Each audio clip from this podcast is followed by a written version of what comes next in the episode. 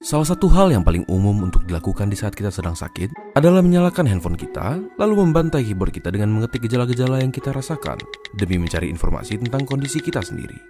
Dan seperti sulap, daftar perawatan dan obat-obatan yang dapat membantu kita muncul di layar. Sejenak, kita merasa seperti kita tahu apa yang sedang kita lakukan. Tapi, apakah benar demikian?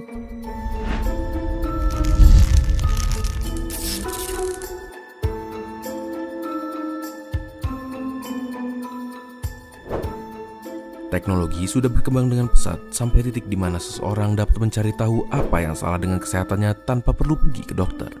Bahkan, seseorang dapat bertindak sendiri dalam proses perawatan dirinya tanpa perlu arahan dari seorang dokter. Seluruh informasi tersebut tersimpan di genggaman kita dalam bentuk aplikasi di dalam smartphone maupun artikel di dunia maya. Kita tinggal menelusuri internet untuk mencari artikel yang tepat atau berbincang dengan artificial intelligence dalam bentuk aplikasi dan memberitahukan gejala-gejala yang muncul. Sebagian besar orang merasa puas dengan jawaban yang mereka terima dari beberapa menit menelusuri informasi-informasi yang sudah tersedia itu. Tapi, bagaimana jika gejala yang muncul itu bersifat rancu? Jika muncul benjol atau bengkak di leher, apakah jawaban yang tersedia itu mereferensikan kepada benjol akibat trauma, tumor, atau bahkan kelenjar getah bening yang membengkak? Pada situasi ini, seberapa membantukah internet atau aplikasi? Dokter adalah seseorang yang sudah menghabiskan banyak waktu mempelajari apa yang perlu diketahui di dalam dunia kesehatan. Memang benar bahwa informasi yang biasanya diperoleh dari anamnesa merupakan kunci penting dalam menentukan penyebab dari gejala yang muncul. Dan informasi itulah yang diandalkan oleh aplikasi maupun artikel di internet untuk membantu kita.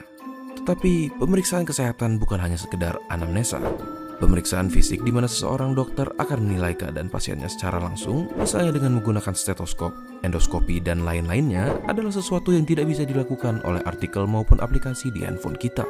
Selain itu, pemeriksaan penunjang pun akan dapat lebih leluasa didiskusikan dengan seorang dokter. Salah satu contoh sederhananya adalah tes darah. Jika kita memilih untuk memakai aplikasi atau artikel yang memberikan jawaban berdasarkan informasi gejala saja, Mungkin kita perlu mengingat bahwa gejala penyakit satu bisa sangat mirip dengan gejala penyakit dua, tiga, empat, dan seterusnya. Di sinilah peran penting pemeriksaan fisik dan berbagai pemeriksaan penunjang yang kita tidak boleh abaikan. Di antara kemudahan menggunakan smartphone dengan ketepatan diagnosa seorang dokter secara langsung, yang mana yang kalian pilih?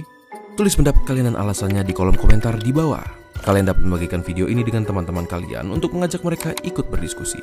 Jangan lupa untuk subscribe untuk mendukung keberlangsungan channel ini. Terima kasih dan sampai ketemu di video berikutnya.